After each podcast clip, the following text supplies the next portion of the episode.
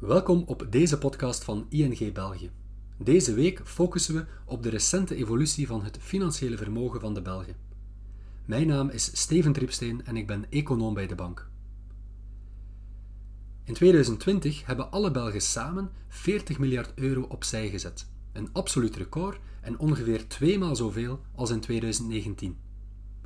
28 miljard euro van die 40 miljard werd aangehouden in liquide middelen dat wil zeggen geplaatst op zichtrekeningen, spaarrekeningen of cash. Deze tendens zorgde ervoor dat het totale bedrag op bankrekeningen een nieuw record heeft bereikt. In totaal staat er 472 miljard euro van Belgen op bankrekeningen. En dat is meer dan 100% van het Belgische BBP. Een ander belangrijk deel van het geld dat werd opzij gezet in 2020 zijn investeringen in financiële markten.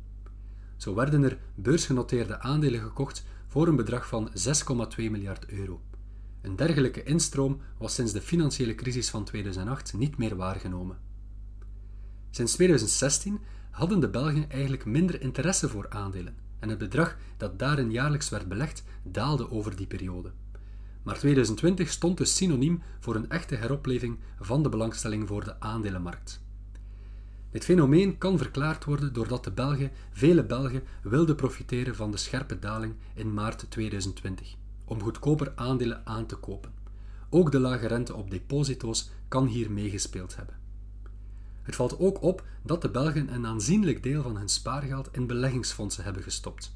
Fondsen kennen, steeds meer succes en vertegenwoordigen nu 16% van de financiële activa van de Belgen, tegenover 10% tien jaar geleden. 2020 was dus een jaar waar het financiële vermogen van de Belgen toenam en tot meer dan 300% van het Belgische BBP.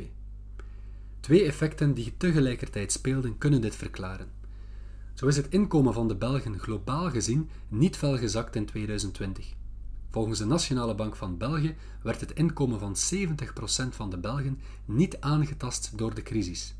Dit komt hoofdzakelijk door de maatregelen van de overheid, zoals de tijdelijke werkloosheid en de financiële steun aan bedrijven. Maar tegelijkertijd hebben de beperkingen geleid tot een sterke daling van de gezinsconsumptie. Als gevolg daarvan konden sommigen meer sparen. Volgens onze enquête van december van vorig jaar was dat het geval bij 21% van de Belgen. In het algemeen zijn de Belgische gezinnen dus rijker dan ooit geworden.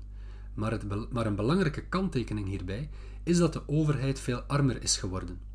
De maatregelen die genomen zijn om de gezinnen en het bedrijfsleven tijdens de gezondheidscrisis te ondersteunen, hebben geleid tot een overheidstekort van meer dan 45 miljard euro of meer dan 10% van het BBP. De overheid moest nieuwe schulden aangaan om dit alles te financieren. De komende jaren zal het overheidstekort moeten worden teruggedrongen. Het is dus mogelijk dat de gezinnen anticiperen op toekomstige belastingsverhogingen en besluiten om een deel van het extra spaargeld dat ze opgebouwd hebben in 2020 in reserve te houden om extra belasting op te vangen. Als dat gebeurt, dan zullen ze minder consumeren wanneer de inperkingsmaatregelen verdwenen zijn, waardoor het herstelpotentieel van de economie afneemt.